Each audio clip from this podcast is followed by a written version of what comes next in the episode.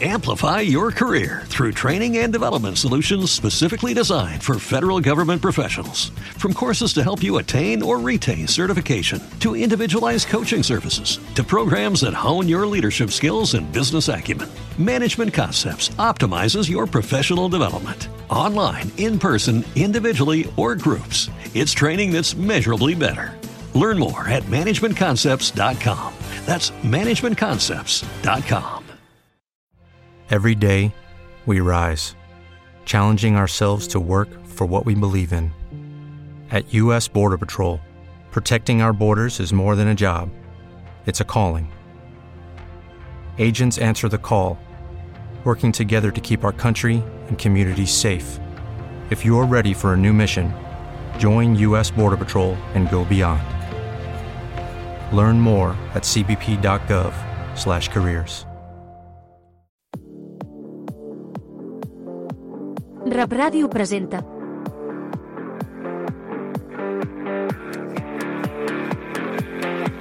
A banda i banda. Edició Amèrica.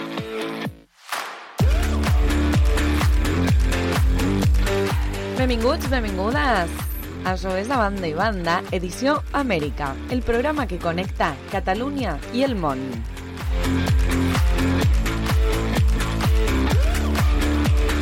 Des dels estudis de Ràdio Amèrica Barcelona per a tots els catalans i catalanes del món.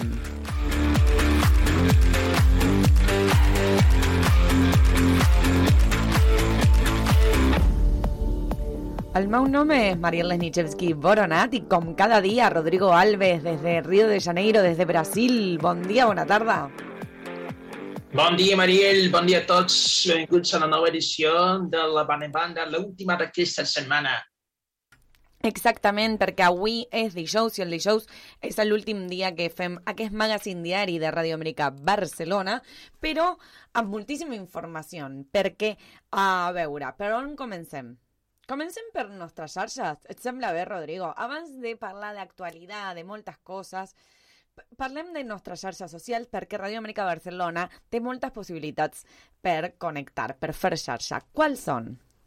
Exacte, sobretot les, les més conegudes, Twitter, Facebook, Instagram, i si en voleu més, també a les plataformes SoundCloud, Amazon Music, Spotify, Google Podcasts, Spreaker. Hi ha moltíssimes, moltíssimes possibilitats de connectar amb nosaltres i recordeu no, que estem en directe via Twitch on hi ha un chat on estem esperant els teus missatges. Rodrigo, a més de les xarxes, eh, em semblaria bé que compartem el contingut que tindrem avui. Doncs farem un, un viatge a La Plata, on parlarem amb el soci fundador dels Casals Paells dels Països Catalans, que és un paelle, paellero, no? Sí, justament, una, un cuiner que fa paelles i lo tindrem a la secció Cuini Chat amb la Neus Tosset. Exacte, i a més a més tindrem una, una xerrada molt especial sobre les eleccions del Brasil que tindran lloc aquest diumenge 30 d'octubre. Quina ansietat, quina ansietat per al diumenge, la veritat que eh, no, no obriré el tema ara perquè si no, no, no finalitzarem més eh, el programa, però te proposaré eh, obrir el programa amb una altra informació que hem de compartir, que és... Parlem una mica de futbol, però començaré jo parlant de futbol, perquè com Ui, saps, com saps, els dimecres és el dia de, de partit per mi, que jo també Sí. vaig jugar ahir a la nit, a les 9 de la nit catalana, al mateix horari que al Barça, però amb el meu, amb el meu equip hem guanyat. I hem guanyat Oh, 10-0, 11-0, crec. Déu-n'hi-do! Increïble. Déu-n'hi-do, La veritat un que sí. Jo sóc portera, jo sóc portera i no, no va arribar a la pilota fins a mi en tot el partit. Crec que vaig tocar-la um, tres vegades i una perquè una meva companya va dir-me surt una mica, Mariel. Però crec que aquesta eh, felicitat que hem tingut amb les meves companyes no és la mateixa que la del Barcelona Futbol Club. No, no, de cap manera. Bé, si, si, si parlem de l'equip femení, sí, alegries compartides, eh? Sempre, ens sempre. fent molt bé, però malauradament la, la nit d'ahir va ser tot un mal son perquè, bé, tal com va, va dir ahir, no?, que teníem la possibilitat de, de, de començar el partit eliminats. I això va passar. Però, Mariel... és No que, fue suficient, més- no fue suficient amb això. Sí, però és que a més a més nosaltres vam fer una, un partit molt dolent i va ser una, tota una, una, una decepció.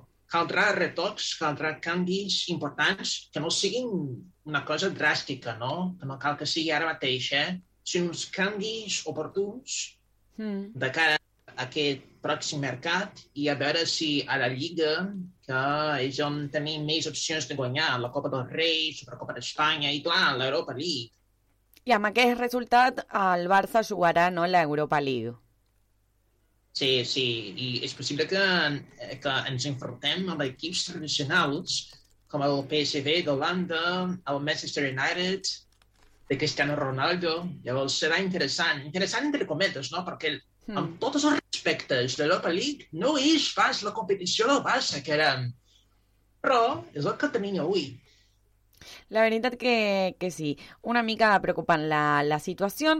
I per tancar el tema de futbol, eh, m'agradaria compartir una informació que és el que s'està jugant la Copa Libertadores de Amèrica femenina i eh, hi ha La resultats... femenina? La femenina, exactament. La femenina s'està jugant ara mateix i va definir-se justament demà, uh, perdó, el dissabte, i el dissabte, perdó, demà la nit de catalana, o sigui, demà la tarda vostra. Sí. I com serà? Justament la final la jugarà Deportivo al Palmeiras contra Boca Juniors. I Boca Juniors, l'equip femení de Boca Juniors, és la primera vegada que arriba fins a la final i la final serà amb el Pal- Palmeiras demà a, a les 12 de la nit, o sigui, divendres a les 12 de la nit catalanes. Demà a la nit tindrem la possibilitat de gaudir de la Copa Libertadores femenina, o sigui que el dilluns també tindrem novetats d'aquest torneig. I tant que sí. La veritat és que el Palmeiras, eh, i el femení, el femení i el masculí estan fent les coses molt bé, eh? Molt bé. Així que molta sort. Boca per- Juniors també, eh? Oiga. Ahir va, va Sí. l'equip masculí, va a quedar eliminat de la Copa Argentina, però Sí. eh, ja van sortir campions del torneig local i l'equip femení arriba per primera vegada a la Libertadores. O sigui que al dilluns parlarem també d'aquesta final, Rodrigo. Clar que sí. I a més a més, Maril, eh, aquest cap de setmana també eh, es juga la final, la final masculina, que serà una final brasilera, eh?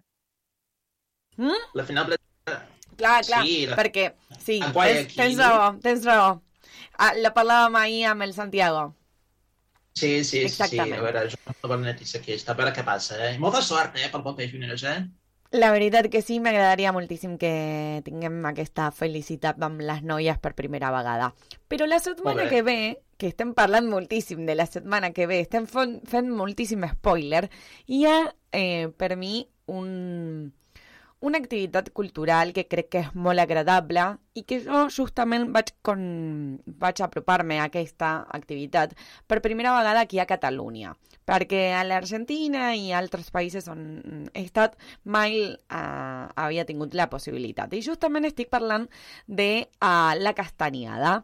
Aquesta no, Sí. eh, interpretació diferent en realitat eh, un, un, una altra possibilitat eh, de, de Halloween, no? Perquè mm, per mi sempre el 31 d'octubre era Halloween i mai he, he fet alguna cosa per això. Eh, tu, Rodrigo Alves, has fet alguna vegada per Halloween? Sí, què, sí. què se festeja al Brasil?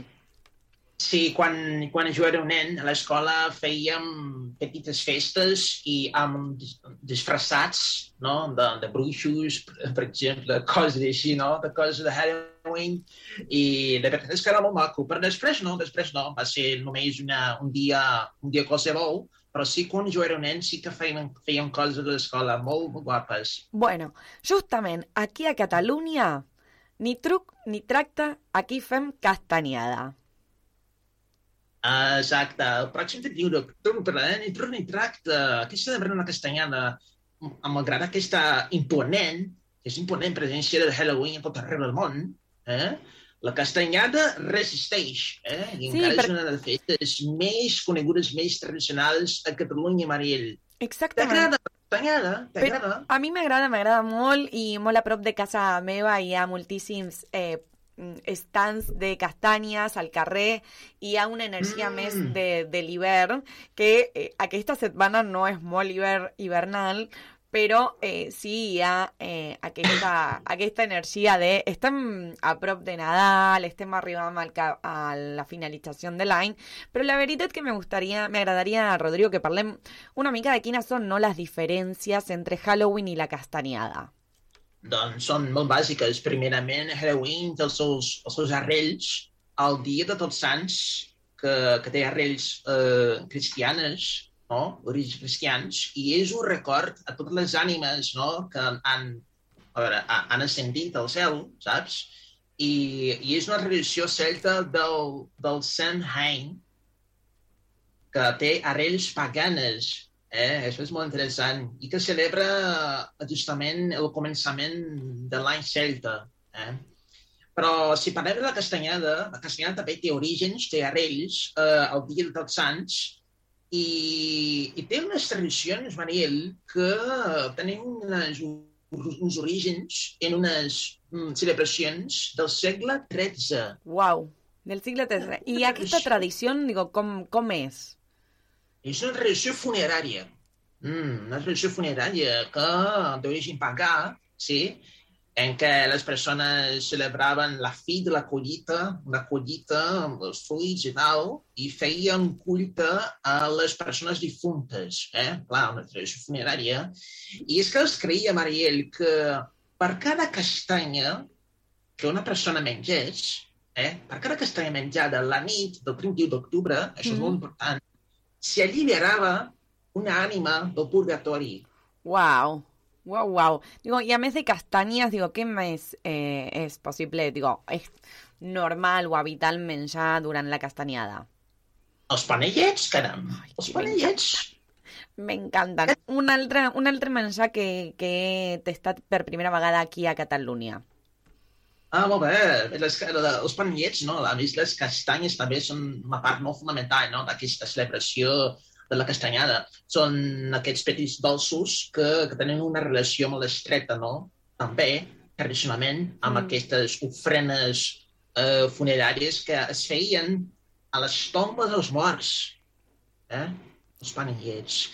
I, a més a més, aquests panellets també eren servits, no?, en un àpat, un àpat, no un plat, Mm. després la mort d'un familiar. És una, mica curiós, això, eh? I, a més a més, no és de les castanyes, dels panellets, també n'hi ha els moniatos. Ay, aquestos sí, me encantan, me encantan, me encantan. Sí. Molt, molt, molt, molt. Sí, la fruita confitada i el moscatell. En aquest cas parlem d'una cosa per acompanyar, no? Una beguda per acompanyar aquests dolços tan... I no? saps, Tan- Rodrigo, tan que, mm, que justament aquest matí he, he llegit que els, um, tu parlaves recent de eh, les ofrendes, de les tombes, i als Mhm. cementeris, eh, per, aquesta, per aquesta data, per aquesta celebració o recordatori, obren les seves portes més temps amb, activi amb activitats per les famílies i sobretot per la comunitat i tenen moltíssimes eh, propostes molt interessants i obriran més temps. Aquest eh, justament succeirà al mes de novembre i sobretot el 31 i el 1 de, de de la setmana que ve aquí a, a Barcelona, a Catalunya. Hi ha moltíssimes propostes i també eh, de la Catalunya exterior que fan no castanyada. Rodrigo, si et sembla bé, la castanyada, aquesta proposta d'expansió eh, cultural que hem repassat avui i sigui l'hora que sigui. Comencem. Rap Ràdio t'escolta. Fes-nos arribar les teves preguntes, reflexions i comentaris amb un missatge de veu al WhatsApp del 691 99 11 22. amb el 34 davant si ets a Amèrica. 691 99 11 22. Rap Ràdio t'escolta.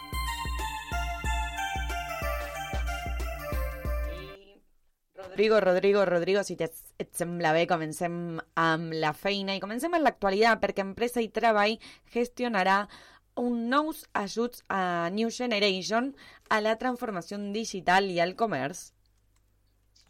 Exactament. El Departament farà la gestió de la nova línia d'ajuts per fomentar la transformació digital del comerç de proximitat i que s'eleva una quantitat, Mariel, de 15 milions d'euros. Bé, el conseller d'Empresa i Treball, Roger Torrent, explica que la previsió és que unes 2.000 empreses es puguin beneficiar d'aquesta línia d'ajudes que en tindran una primera convocatòria de novembre i una segona de gener. Escoltem-ho. En què volem ajudar amb aquests recursos? Doncs, òbviament, la transformació digital del comerç, eh? i no només pensada en un sentit global, sinó específicament pensada en, en tots els milers de negocis concrets que hi han arreu de la nostra geografia. En aquest sentit, cal dir que els ajuts finançaran fins al 80% de les despeses subvencionables. Eh? El 80% de les despeses que es puguin produir són subvencionables. Jo crec que això és uh, un element molt rellevant. 80% arribant a un topall de 75.000 euros i una inversió mínima de 2.000 euros. I continuem en l'economia perquè rebaixa un punt el creixement de l'economia catalana pel 2023 per l'impacte de la crisi energètica. Mm -hmm. La Cambra de Comerç de Barcelona ha rebaixat fins a 1,6% la previsió de creixement de l'economia catalana per l'any vinent.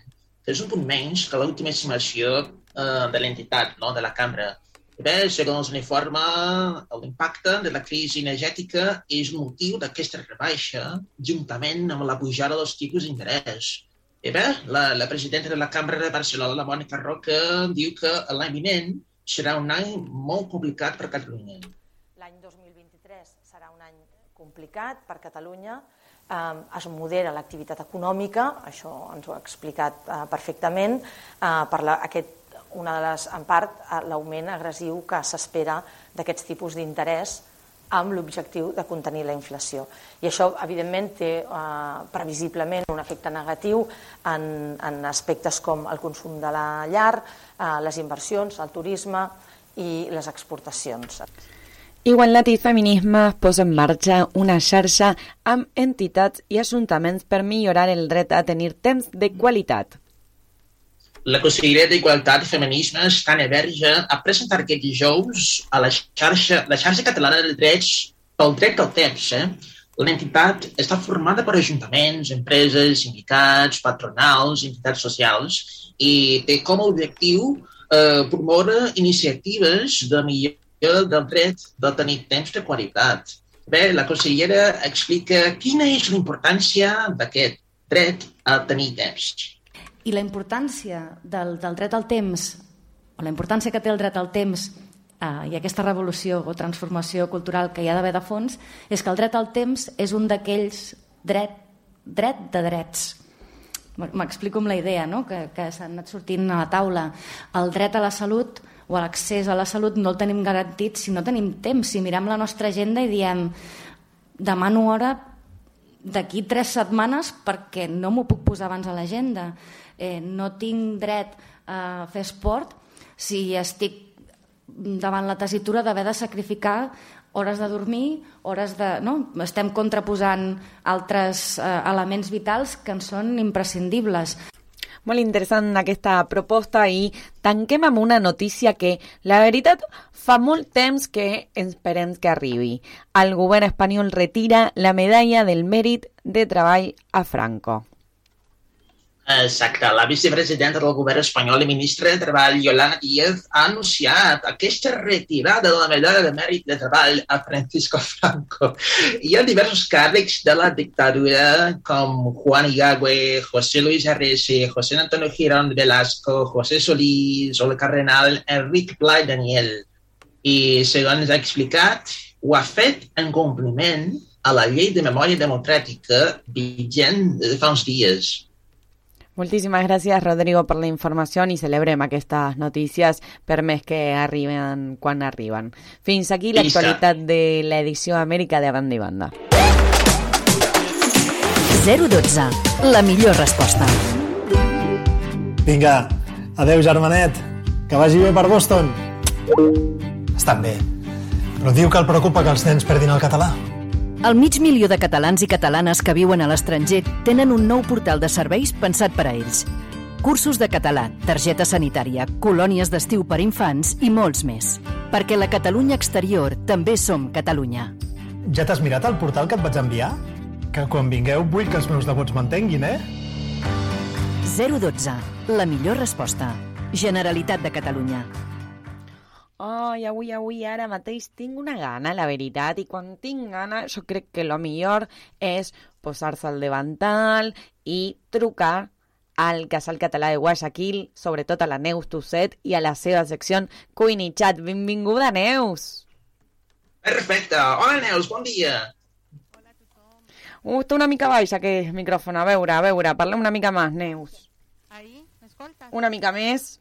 Parla més, més, més alt. Más, más, alto voy a hablar. Párate, más alto. I...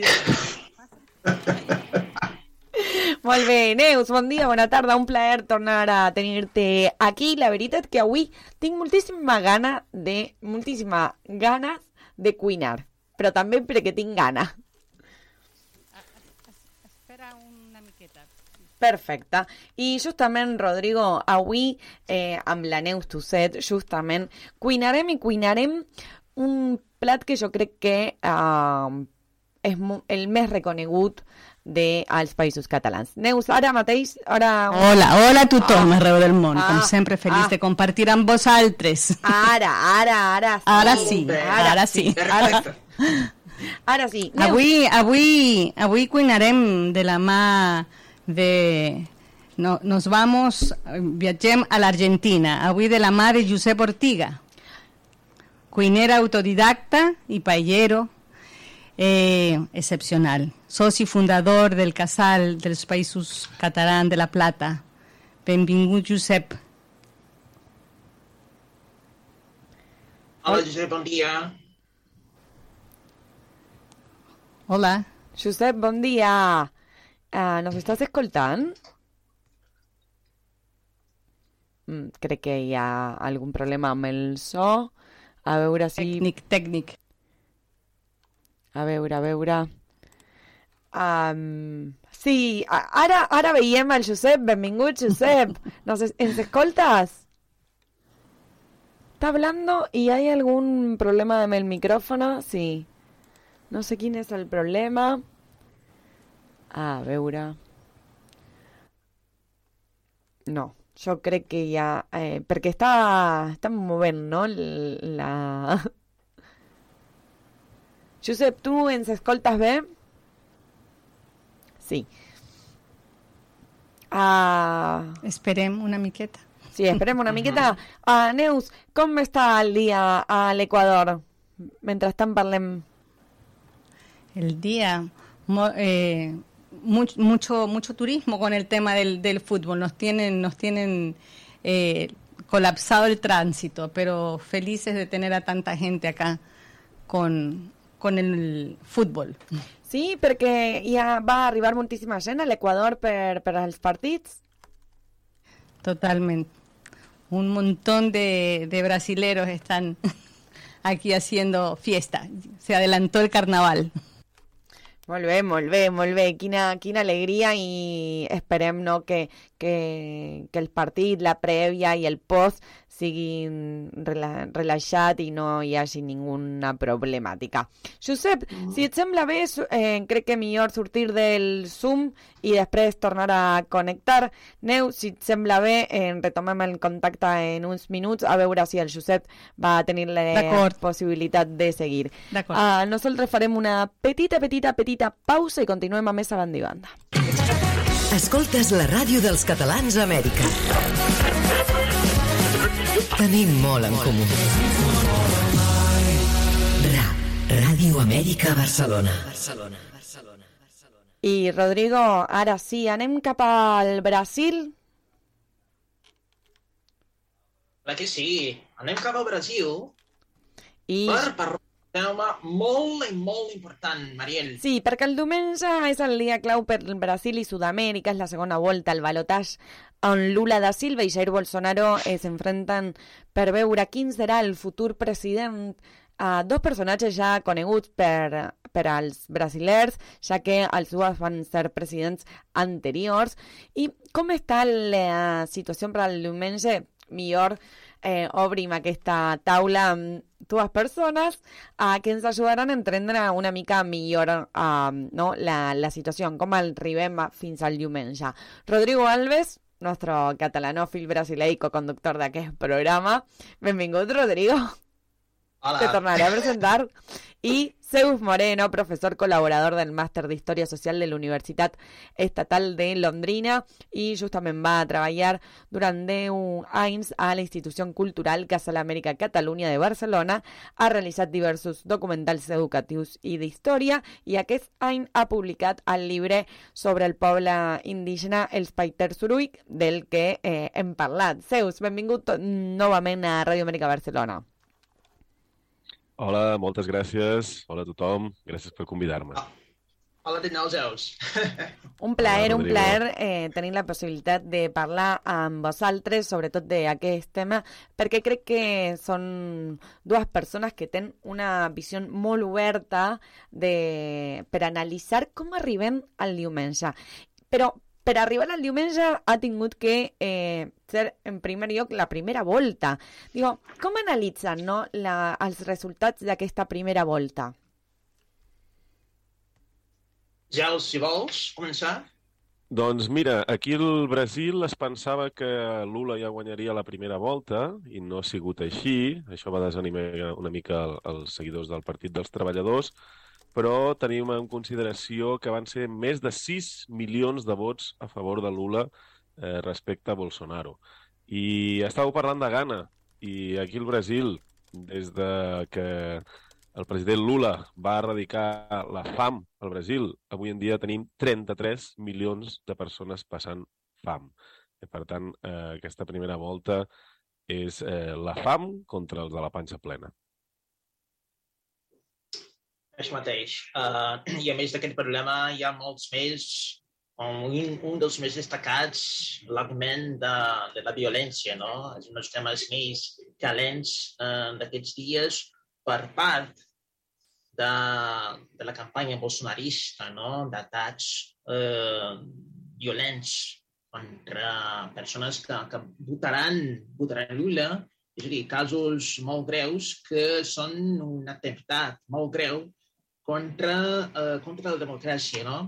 I una cosa molt important per tots vosaltres que ens sentiu ara és que no es tracta d'una batalla, d'una lluita entre l'esquerra i la dreta, perquè això ho tenia abans.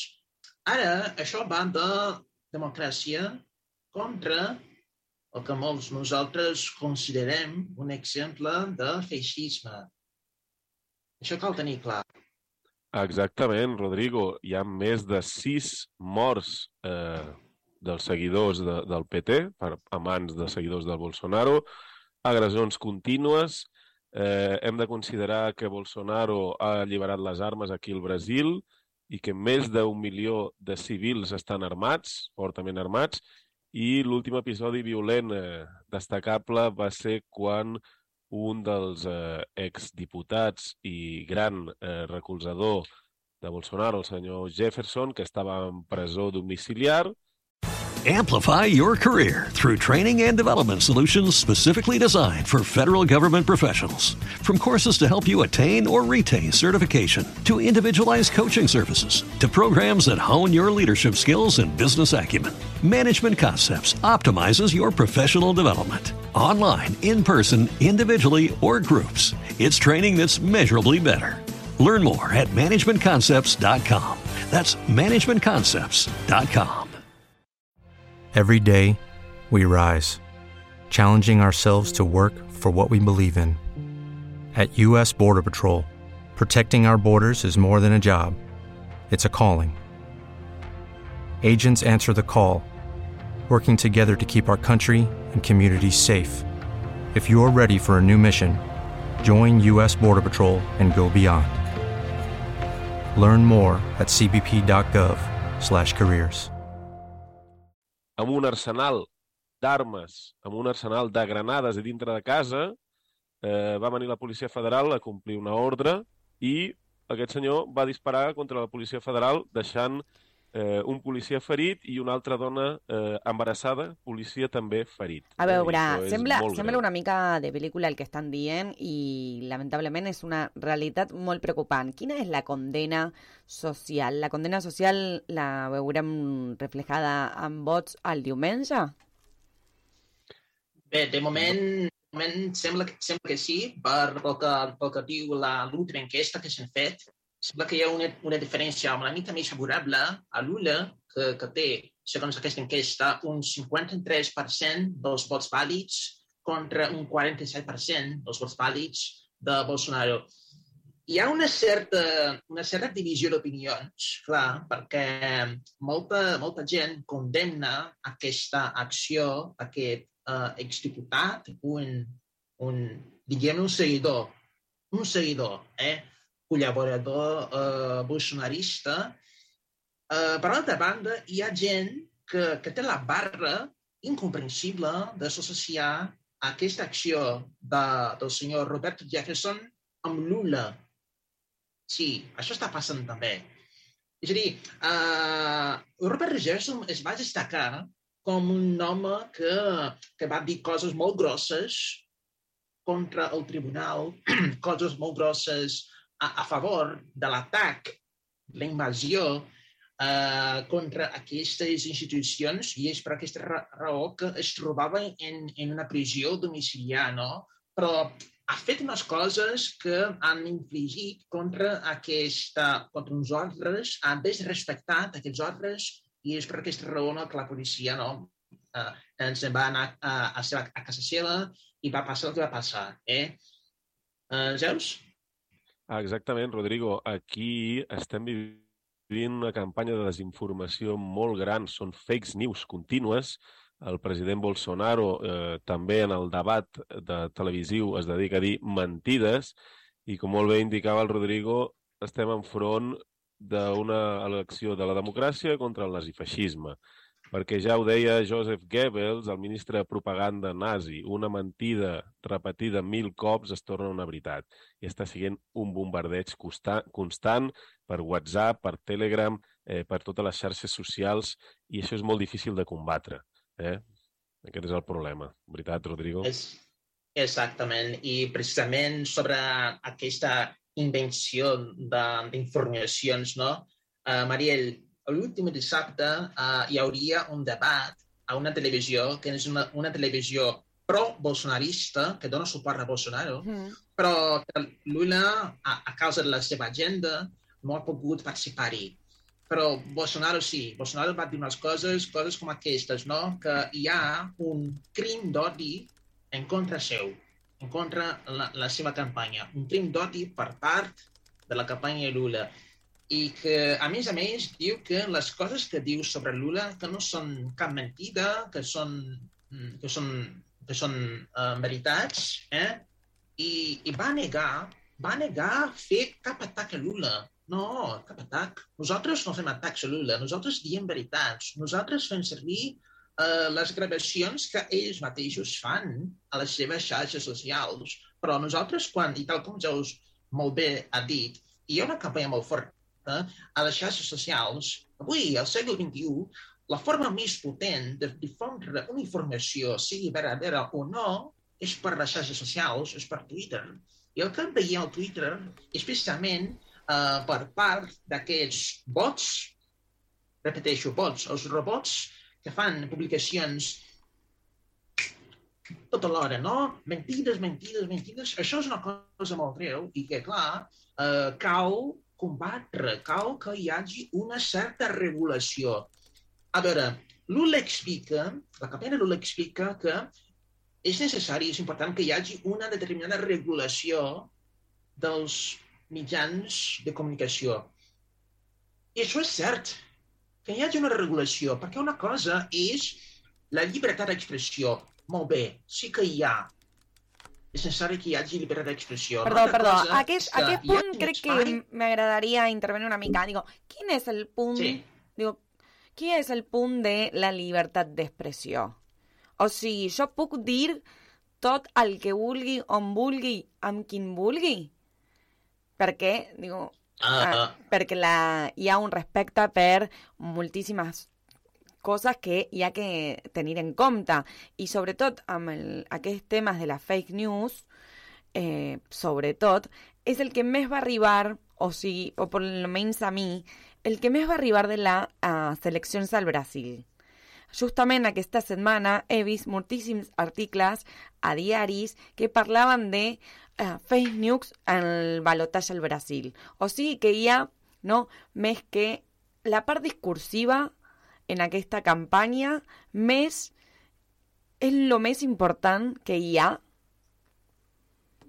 Totalment, totalment. El, el, el discurs, el llenguatge que s'utilitza, es pot fer una anàlisi, un anàlisi preciós sobre les formes de comunicar-se. Molt interessant. Mariel, es tracta, i crec que els Zeus estarà d'acord amb mi, es tracta de ser. Es tracta de ser. La llibertat d'expressió no et permet de difondre informacions deliberadament mentiroses. Mentideres, perdona, mentideres perquè nosaltres tenim dret a tenir accés, accés a la informació correcta, tal com és. Però malauradament el que passa, i una cosa que està passant aquests últims anys, no només al Brasil, sinó als Estats Units, per exemple, ho hem vist a la, la campanya de Trump, eh, una difusió eh, sense, sense pausa de, de mentides. Coses molt greus, escrites, articles, vídeos. Això sí que eh, s'hi ha de combatre. Siguem responsables. Llibertat sí, clar que sí, però hi ha uns marges. Eh, Zeus? Ui, s'ha tallat.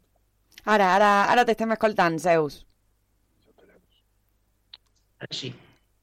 Uh, jo volia recordar el que deia el filòsof Karl Popper, que és el paradoxe de la tolerància. Hem de tolerar els intolerants?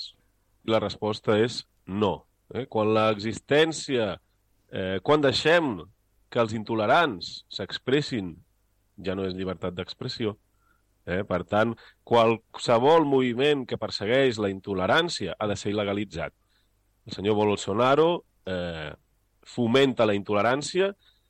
És curiós, és allò típic de que el que acusa ell als altres és el que ell fa. Eh? I això és una cosa eh, molt, molt descarada. Eh, recordem el lema de Bolsonaro, Déu, pàtria i família, que és precisament el lema del partit nazifeixista brasiler de la dècada dels 30, inspirat amb el Mussolini.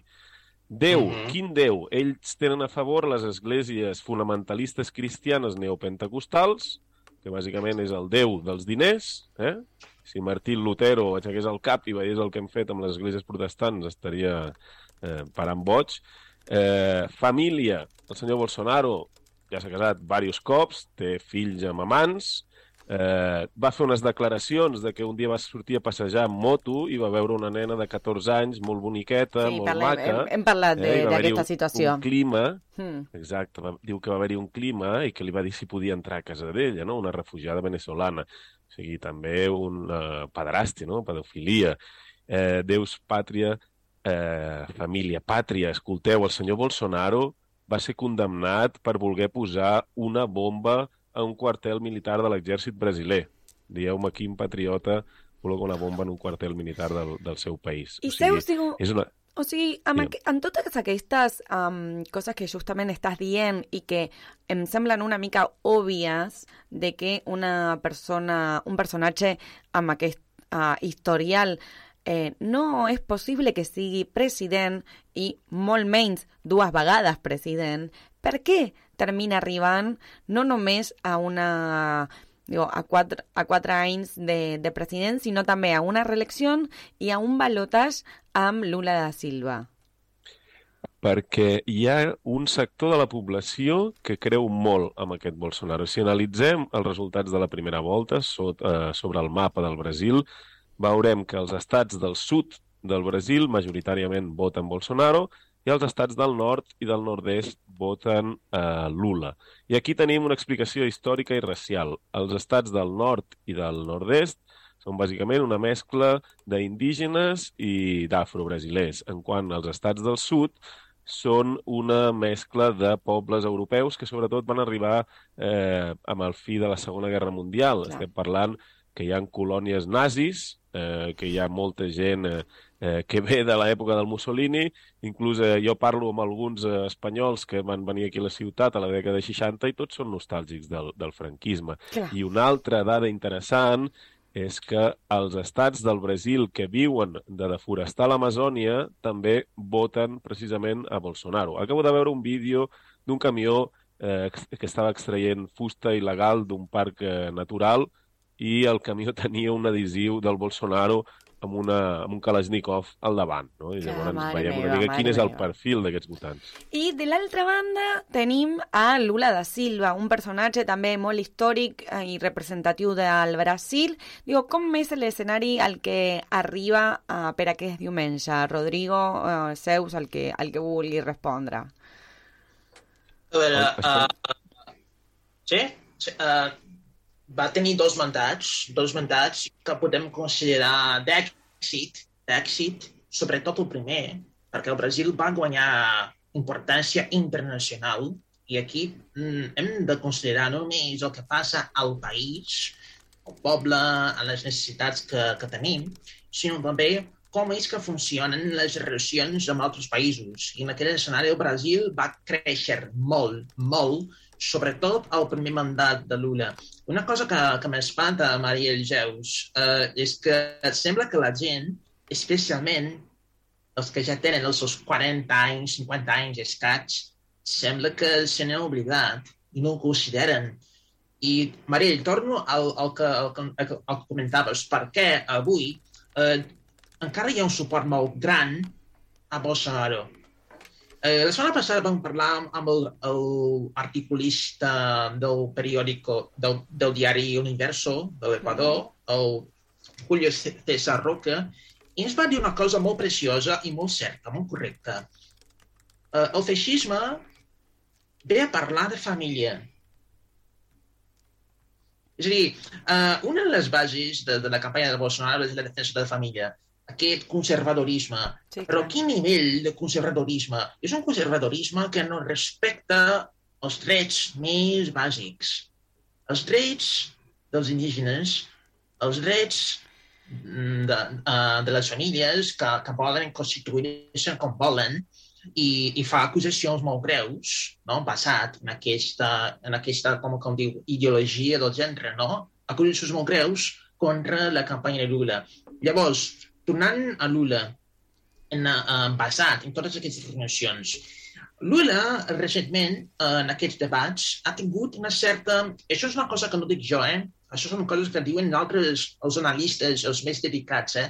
eh ha tingut una certa dificultat per eh, defensar-se pel que fa a la, a la corrupció, als casos de corrupció que durant els seus mandats. I això és un punt feble molt explorable per part de Bolsonaro.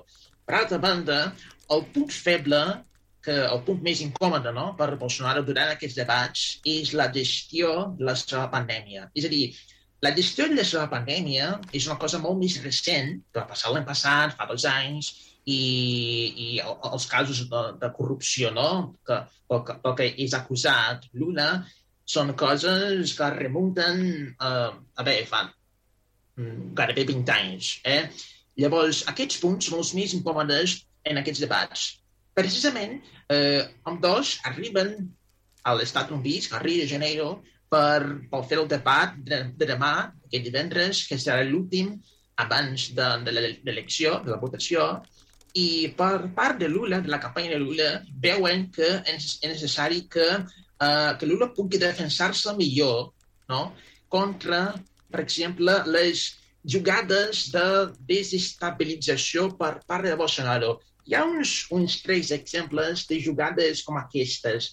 De dir, per exemple, um, ai, com es diu? Uh, Bolsonaro va dir que Lula és una mena de... Jo no sé com dir-ho en català. Zeus, ajuda, ajuda, sisplau. Eh, una persona que, que, que no compareix a un, a, una, a un debat, per exemple. Bolsonaro va dir que Lula és un fujão. Això com es diu en català? Que, vol so que és un cagat. sí, claríssim.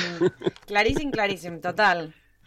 Sí, i és que eh, el Bolsonaro sap que, que podrà fer servir eines per tal de desestabilitzar Lula durant el debat, perquè tots sabem, i ho sap Bolsonaro, que la seva, és la seva última carta per tal de capgirar no, aquestes enquestes. Llavors, farà de tot per tal de- d'atacar, de, de fer coses, de dir determinades coses, com per, exemple, seu Lula, que és una manera molt informal, és una manera, de, per exemple, de parlar amb un home a peu del carrer, seu José, seu João, és una cosa molt col·loquial, és molt informal. I això per un debat presidencial és una cosa inacceptable. I, és a dir, Bolsonaro farà de tot per tal de capgirar aquesta situació i que Lula haurà de preparar-se millor per tenir un equilibri i no caure en aquestes provocacions de Bolsonaro. I avui, precisament, el president Lula fa 77 anys. El president que va treure de la fam els brasilers. El president que va portar el projecte Llum per tothom. I eh, el president que va néixer en un lloc superpobre del Brasil, que va anar a treballar a Sao Paulo, es va eh, forjar com a sindicalista a, a, a les grans àrees industrialitzades de Sao Paulo, i a l'altra banda tenim el senyor Bolsonaro vinculat amb les milícies. Qui són les milícies? Són els policies corruptes que s'encarreguen del tràfic de drogues a les faveles eh, de Rio de Janeiro. El assassí de Marielle Franco, precisament, era un veí de Bolsonaro, amb un arsenal molt potent a dintre de casa. Qui recolza Bolsonaro? Els BBBs. Qui són els BBBs? El BOI, el BOI són els terratinents, la bala, els militars i els policies, i la Bíblia, els sectors fonamentalistes cristians d'aquestes esglésies eh, neopentecostals que ten, tenen un gran poder d'alienació dintre de la població, perquè és escàndol. Jo estava escoltant un veí avui eh, que sempre, ah, que Déu estigui amb tu, que truca el pastor, no sé què, però veus que tracta els seus fills com a idiotes. Idiota, vine cap aquí, imbècil, vine cap aquí. Vull dir, és una doble moral eh, fastigosa, realment. I ell, aquestes eleccions no només se la juga al Brasil, se la juga a tot el món, perquè s'estan deforestant cada dia 2.000 camps de futbol a l'Amazònia, i és el pulmó del planeta. Per això, eh, jo, per exemple, no paro de donar conferències per diversos països d'Amèrica Llatina. Tothom està preocupat amb aquestes eleccions. És la llum contra la foscor, és l'amor contra l'odi. Per tant, dia 30, que guanyi l'amor. Esperem que, que sigui el millor per al Brasil, però també per Latinoamèrica, perquè um, volia afegir no, que um, Lula da Silva és eh, un dels principals creadors del Mercosur i dels que junts a Evo Morales, Néstor Kirchner, que avui justament és l'aniversari de la seva mort, eh, van una... a pensar, van a plan- tornar a obrir una Latinoamérica unida y una perspectiva de continente eh, desde una perspectiva del sur i no des d'una perspectiva europea que crec que és molt important. Rodrigo Zeus, eh, crec que Zeus ja ha tancat aquest, aquesta conversa amb les seves paraules, però a veure, a veure com, com arribem fins al diumenge. Eh, què faran vosaltres el diumenge? Que, que m'agrada tenir aquesta informació de com, com van vivir uh, justament uh, l'elecció i el balotatge. El diumenge, ara, eh? El pròxim diumenge, eh? Aquest diumenge, lo normal és fer un xurrasco amb la família, un assadito, com diuen els argentins. Uh, jo aniré amb el meu fill, que també és brasiler. Jo voto el Brasil, sóc naturalitzat brasiler, i anirem agafats de les mans, fer cua aquí al col·legi electoral. Votaré el número 13, que és el número de Lula, i després acompanyarem la, els resultats. Què passa? Que els resultats sempre surten primer els resultats del sud, eh? i jo ja vaig sentir Mhm. al minut 1 dels resultats i estaven tirant eh, coets de celebració aquí, he vist al sud. Eh? Però sabem que a última hora arriben els vots del nord i el nord-est i es dona la volta a tot això. O sigui, diumenge siguem militants de l'esperança, com deia Pere Casaldàliga. Exacte. Jo, jo passaré el dia fent la cobertura del seguiment d'aquestes eleccions, sobretot a partir de les 5, a, a les 5 que quan acaben quan acaba la, la, la votació i, i tal com us has dit, eh, el recompte comença a partir del sud, que és una regió més bolsonarista, llavors serà molt emocionant, perquè segurament el recompte començarà amb tota una festa per Bolsonaro, però Bolsonaro guanyarà. Esperem, esperem. Hi ha més regions, eh? Ara què passa? Muchísimas gracias Rodrigo Alves i moltíssimes gràcies Zeus Moreno. Eh, arribarem al diumenge amb l'amor, a l'expectativa i sobretot a la memòria, que crec que és molt important per, per, per votar i sobretot per la democràcia. Moltíssimes gràcies i parlarem el diumenge i el dilluns. Clar que sí. Moltes gràcies. I que el sud sigui sempre el nostre nord. Exactament. Exacte. Gràcies, home. Taula reona prevalotage del Brasil amb Rodrigo Alves i Zeus Moreno avui en A Banda i Banda. Ràdio Amèrica Barcelona.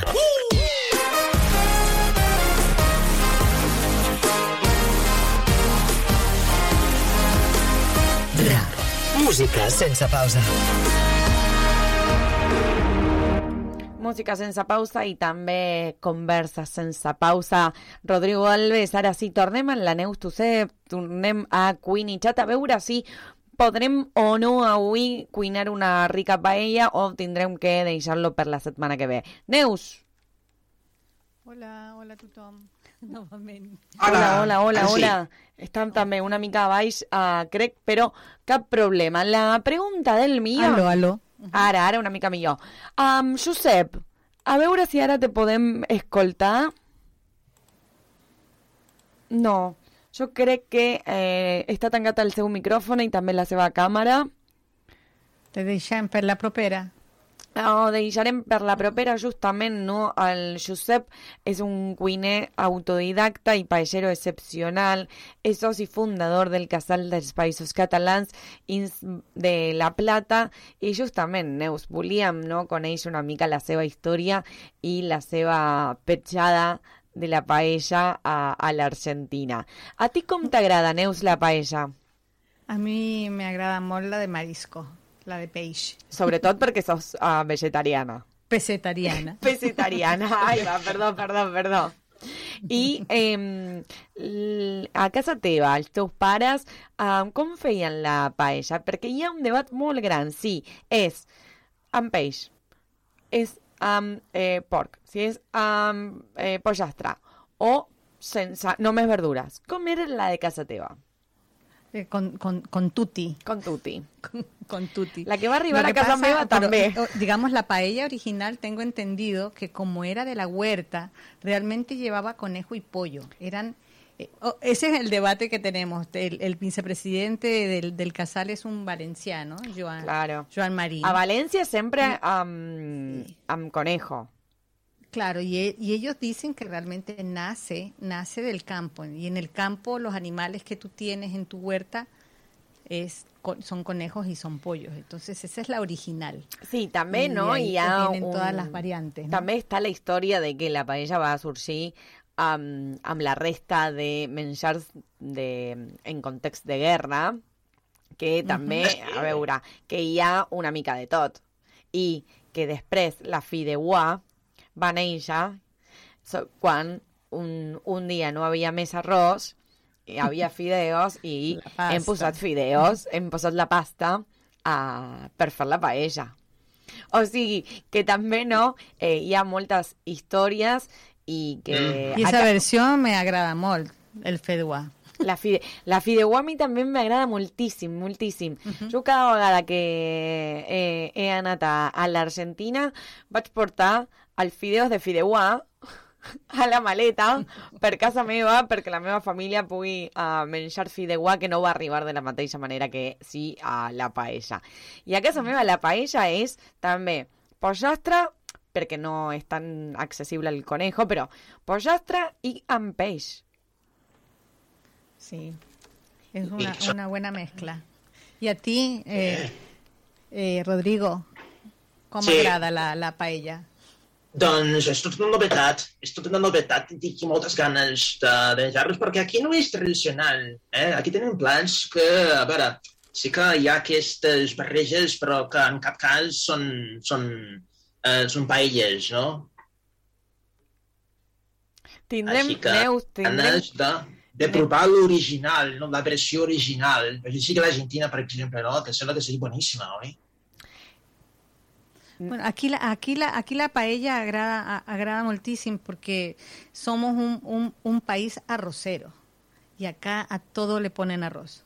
Arroz con huevo frito, arroz con carne, arroz con salchicha, arroz, arroz entonces arroz con verduras. Si falta el arroz, no es almuerzo, no es cena. Doncs és com en Brasil, eh? l'arròs sí que ho tenim com una cosa molt bàsica, no? Si no hi ha arròs, bé, no és un plat Jo crec que és molt, molt comú a, a Latinoamèrica i sobretot de sí. Centroamèrica fins al Brasil, a Bolívia Clar. també. No tant al, a l'Argentina i a l'Uruguai, el Paraguai crec que no tant, a Chile una mica més. Chile tampoco, y te Tampoco, digo claro. que, que el, el arroz en Chile, es to- el sabor es totalmente diferente al, al arroz ecuatoriano. Pero la No es patata- nada, pero es muy sabroso el ecuatoriano. Anirem, anirem. I aprofitem, Rodrigo, que està la Neus i tanquem el programa en la Neus. Nosaltres tornarem el dilluns a les 4 de la tarda, hora catalana.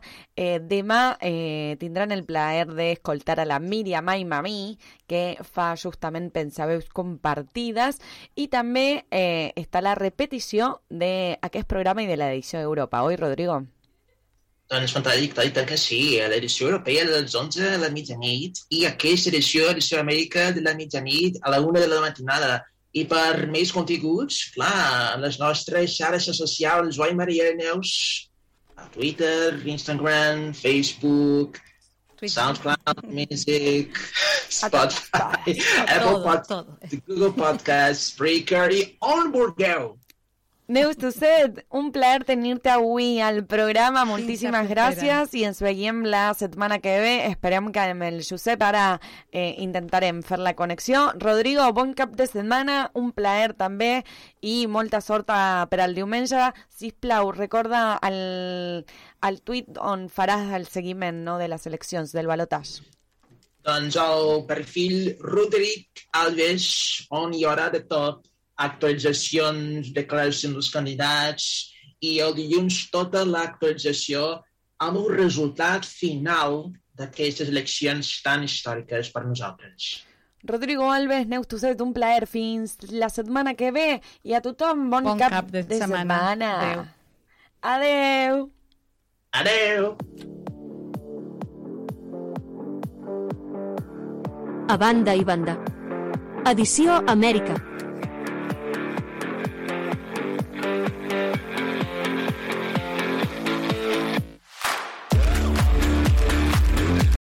Amplify your career through training and development solutions specifically designed for federal government professionals. From courses to help you attain or retain certification, to individualized coaching services, to programs that hone your leadership skills and business acumen, Management Concepts optimizes your professional development. Online, in person, individually, or groups, it's training that's measurably better.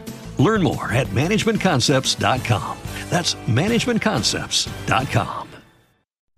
Are you looking to grow your business and stay resilient?